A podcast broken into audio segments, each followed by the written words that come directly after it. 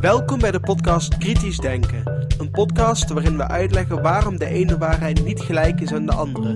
En hoe je kunt vaststellen waarom de ene waarheid juister is dan de andere. Waar we uitleggen waarom het belangrijk is om alles kritisch te bekijken.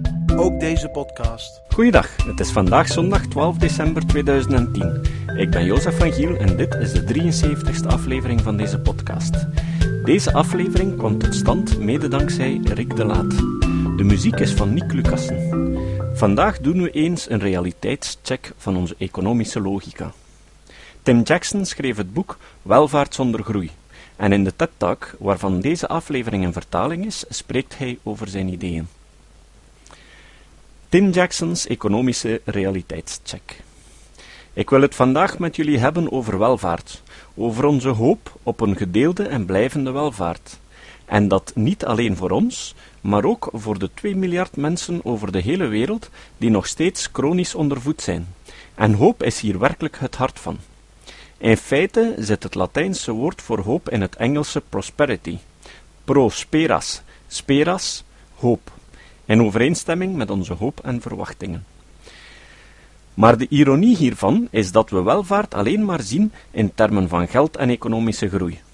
En we hebben onze economieën zo ver laten groeien dat we nu echt het gevaar lopen die hoop te ondermijnen.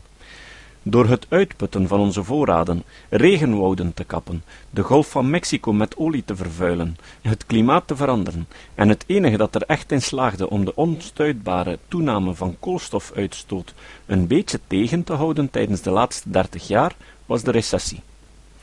En recessie is natuurlijk niet precies een recept voor hoop zoals we nu bezig zijn te ontdekken. We zitten dus vast in een soort val. Het is een dilemma, een dilemma van groei. We kunnen er niet mee leven, maar ook niet zonder. Verlaat het systeem of verniel de planeet.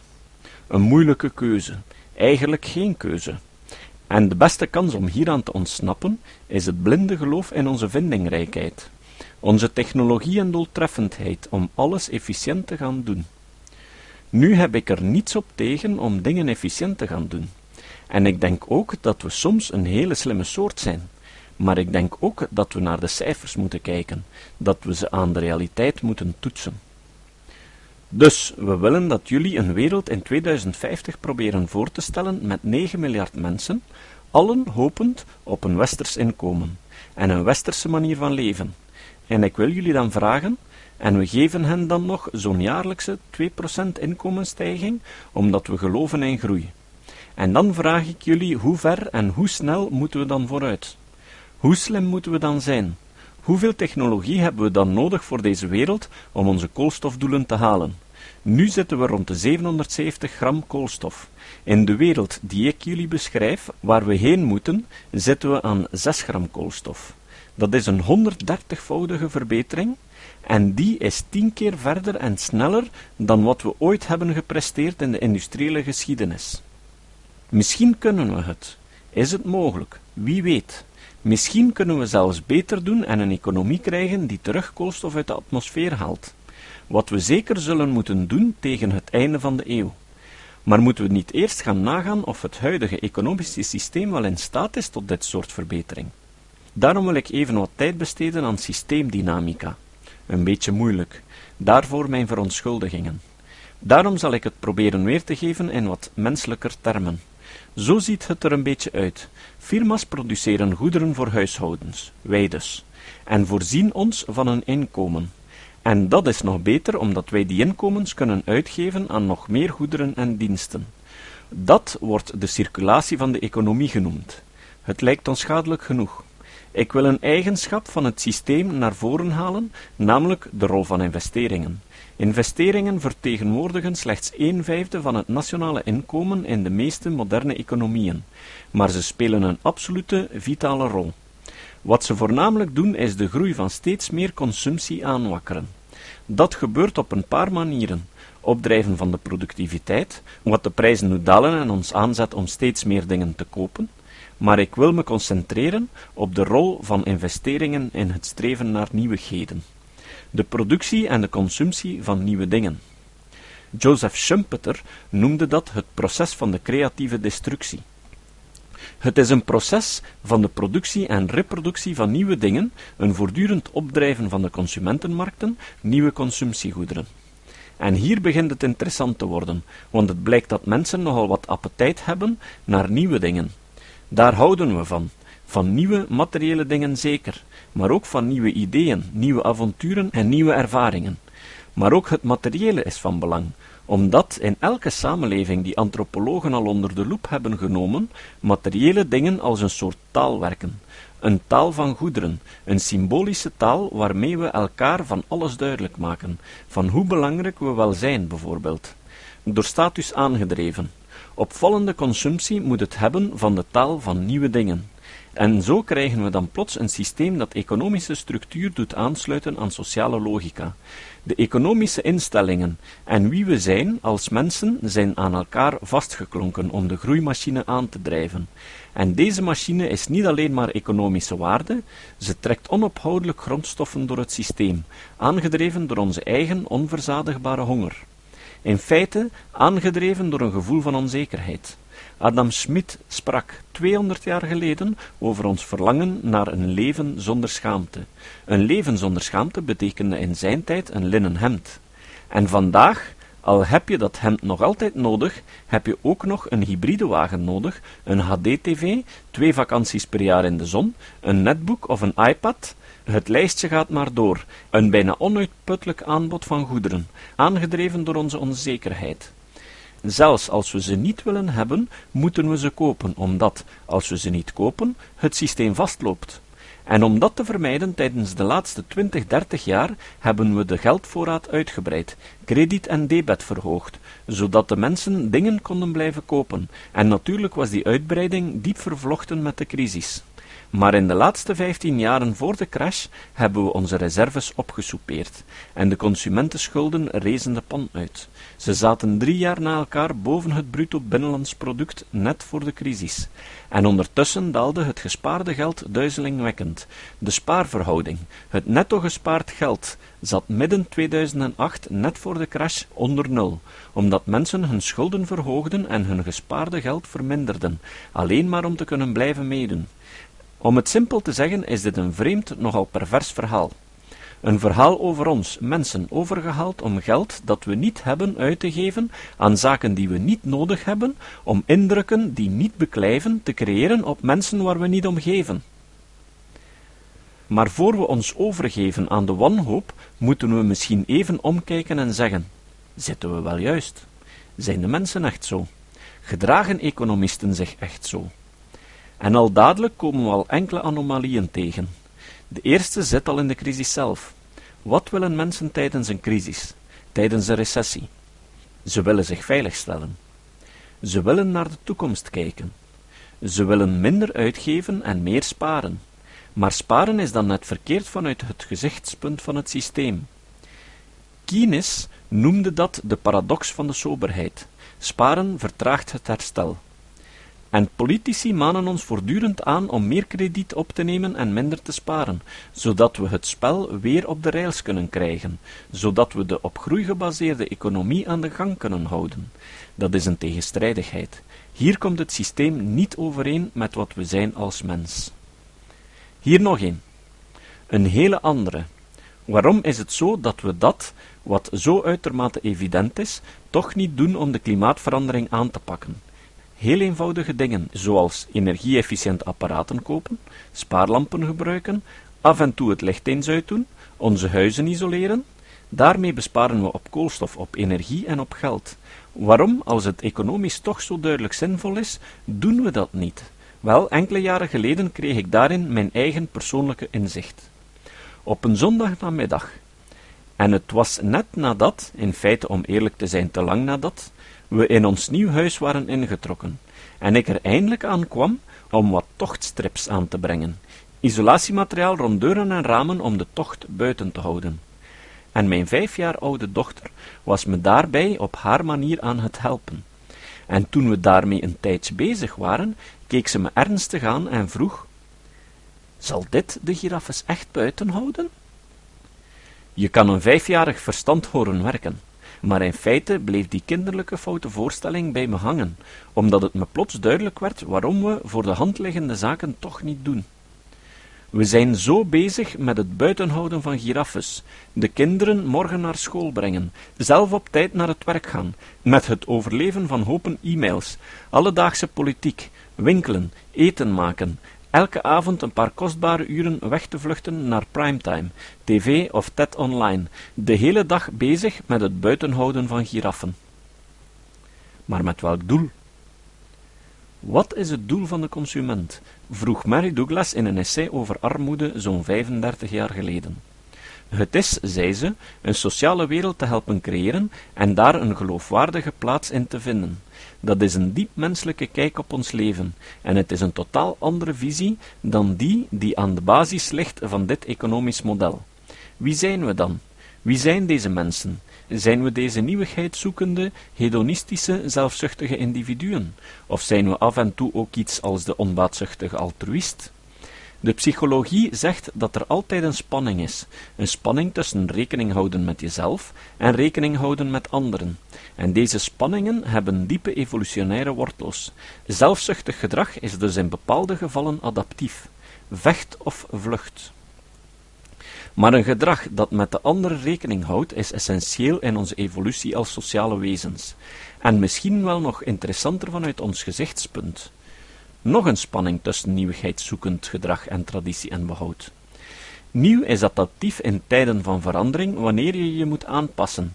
Traditie is essentieel voor de stabiliteit om families groot te brengen en stabiele sociale groepen te vormen. En zo ineens zijn we aan het kijken naar een kaart van het menselijk hart. Dat toont ons plots wat essentieel is. We hebben economieën gecreëerd, systemen die systematisch een klein gedeelte van de menselijke ziel hebben geprivilegieerd, aangemoedigd, maar de rest hebben verwaarloosd. En daardoor wordt duidelijk wat de oplossing is, omdat het niet gaat om het veranderen van de menselijke natuur. Het gaat in feite om het beknotten van mogelijkheden om ons open te stellen. Het gaat erom onszelf de vrijheid te geven om volledig mens te worden, om de diepte en de breedte van de menselijke psyche te herkennen en instellingen te bouwen waarin de breekbare altruïst bescherming vindt. Wat betekent dit allemaal voor onze economie? Hoe zouden economieën eruit zien als we deze visie van de menselijke natuur ter harte zouden nemen en hem zouden inpassen in deze orthogonale dimensies van de menselijke psyche? Wel, het zou er een beetje kunnen uitzien als de 4000 bedrijven met een gemeenschapsbelasting die in de laatste vijf jaar in het Verenigd Koninkrijk uit de grond zijn gerezen en een vergelijkbare stijging in B-corporates in de Verenigde Staten, ondernemingen met ecologische en sociale doelen opgenomen in hun statuten, in hun hart, bedrijven zoals dit hier, Ecosia. Ik wil dat even aan jullie voorstellen. Ecosia is een internetzoekmachine. Die zoekmachines verkrijgen inkomsten door gesponsorde links die verschijnen terwijl je zoekt. Ecosia werkt op bijna dezelfde manier. Laat ons dat even doen. We kunnen een kleine zoekterm invullen. Ziezo, Oxford, waar we ons bevinden. Wat verschijnt er? Maar het verschil met Ecosia is dat in Ecosia's geval het op dezelfde manier inkomsten verkrijgt, maar 80% van deze inkomsten toekent aan een regenwoudbeschermingsproject in het Amazonegebied. En dat gaan we ook doen. We gaan op naturejobs.uk klikken. Als er iemand tijdens een recessie naar een job zoekt, is dat de site om te zoeken.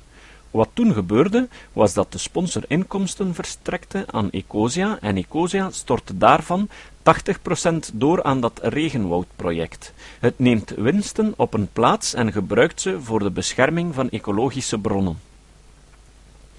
Dit is een ander soort onderneming voor een nieuwe economie. Het is, als je wil, een vorm van ecologisch altruïsme.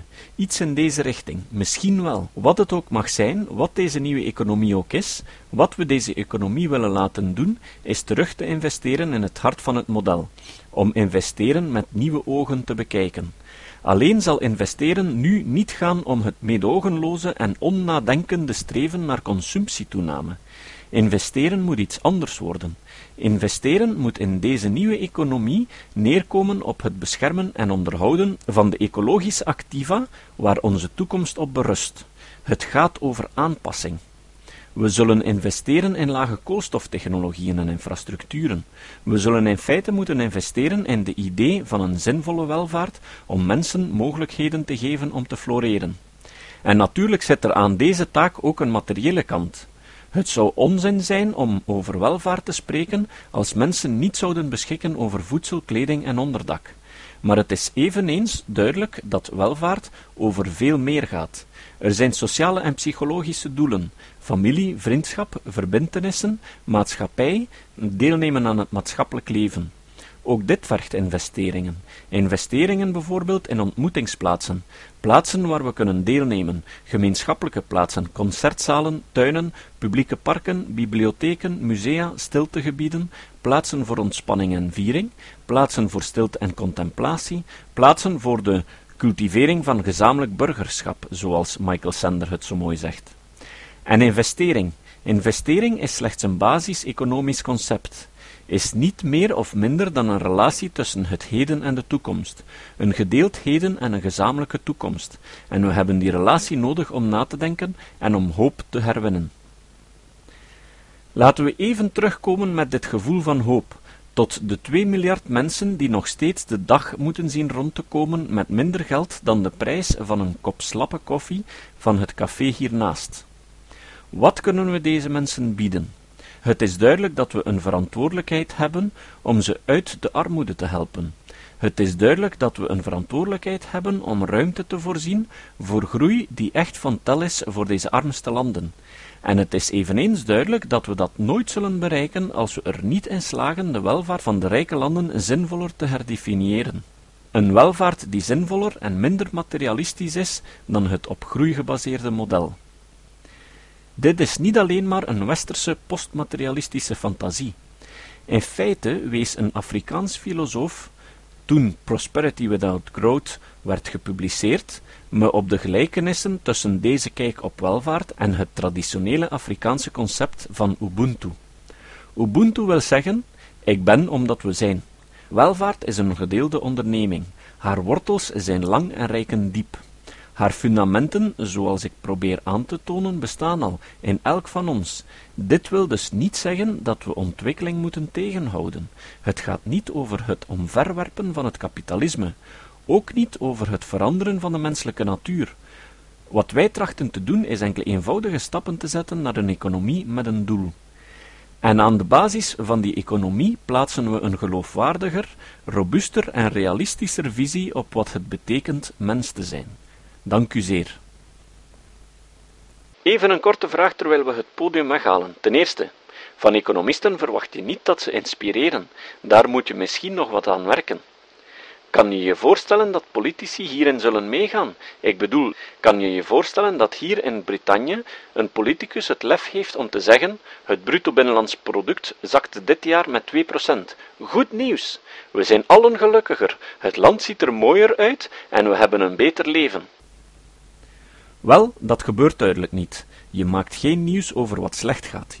Je maakt nieuws over de dingen die zeggen dat we vooruit gaan. Kan ik me voorstellen dat politici zoiets doen? Wel, in feite zijn de eerste tekenen daarvan al te zien. Toen we voor de eerste keer met dit werk begonnen, hoorde je politici en schatkistbewaarders ons beschuldigen van terug te willen naar het stenen tijdperk.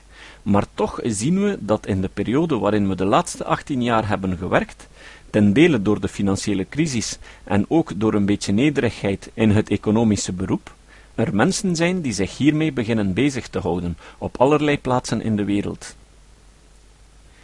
Maar het zullen vooral de politici zijn die zich erachter zullen moeten zetten, of blijft het bij maatschappelijke initiatieven en bedrijven? Het moeten de bedrijven zijn, en ook de maatschappij, maar er moet ook politiek leiderschap zijn. Dit is het soort agenda waarin politici zelf in een soort dilemma gevangen zitten, omdat ze zelf verslaafd zijn aan het groeimodel. Maar in feite zal ruimte maken om te denken aan andere manieren van regeren, andere soorten politiek en ook voor maatschappelijke initiatieven en zaken doen op een andere manier van vitaal belang zijn. En als iemand die ervan zou kunnen overtuigen dat we dat echt kunnen, wat was het weer? Een 130-voudige verbetering van efficiëntie, van terugbrengen van onze koolstofafdruk. Zou je dan kunnen inkomen in die manier van economische groei naar meer kennisgebaseerde goederen? Ik zou nog altijd willen weten dat je dat kon doen en tegelijkertijd onder nul duiken tegen het eind van de eeuw. Wat aangaat het onttrekken van koolstof aan de atmosfeer, het oplossen van biodiversiteitsproblemen, het terugdringen van landgebruik en dan nog iets doen aan de toplaagerosie en de kwaliteit van water? Als je me kon overtuigen dat we dat konden doen, ja, dan zou ik gaan voor 2%. Het citaat. Het citaat van vandaag komt van Michael Shermer. Michael Shermer is de oprichter van de Skeptic Society en hoofdredacteur van het tijdschrift Skeptic. Michael Shermer is ook de auteur van het boek Why People Believe Weird Things, waarom mensen in rare dingen geloven, en Why Darwin Matters, waarom Darwin wel uitmaakt. Op TED Talk kan je ook een prachtige speech van hem zien. Ik voorzie een link op mijn website. Shermer zei: Spreken met de doden is niet zo moeilijk. Het probleem is om de doden te doen antwoorden. Tot de volgende keer. Dit was de podcast Kritisch Denken. Vergeet niet om alles kritisch te behandelen, ook deze podcast. Voor verdere informatie over deze podcast, links en voor de tekst, surf naar www.kritischdenken.info. Als je deze podcast belangrijk vindt, kun je me steunen door anderen warm te maken ook eens te luisteren. Stuur een e-mail naar vrienden met een link naar de website en plaats de link in de handtekening van je e-mails. Tevens kun je op iTunes deze podcast een beoordeling geven of een recensie schrijven. Of je kan op je eigen website of blog een link naar kritisch denken plaatsen.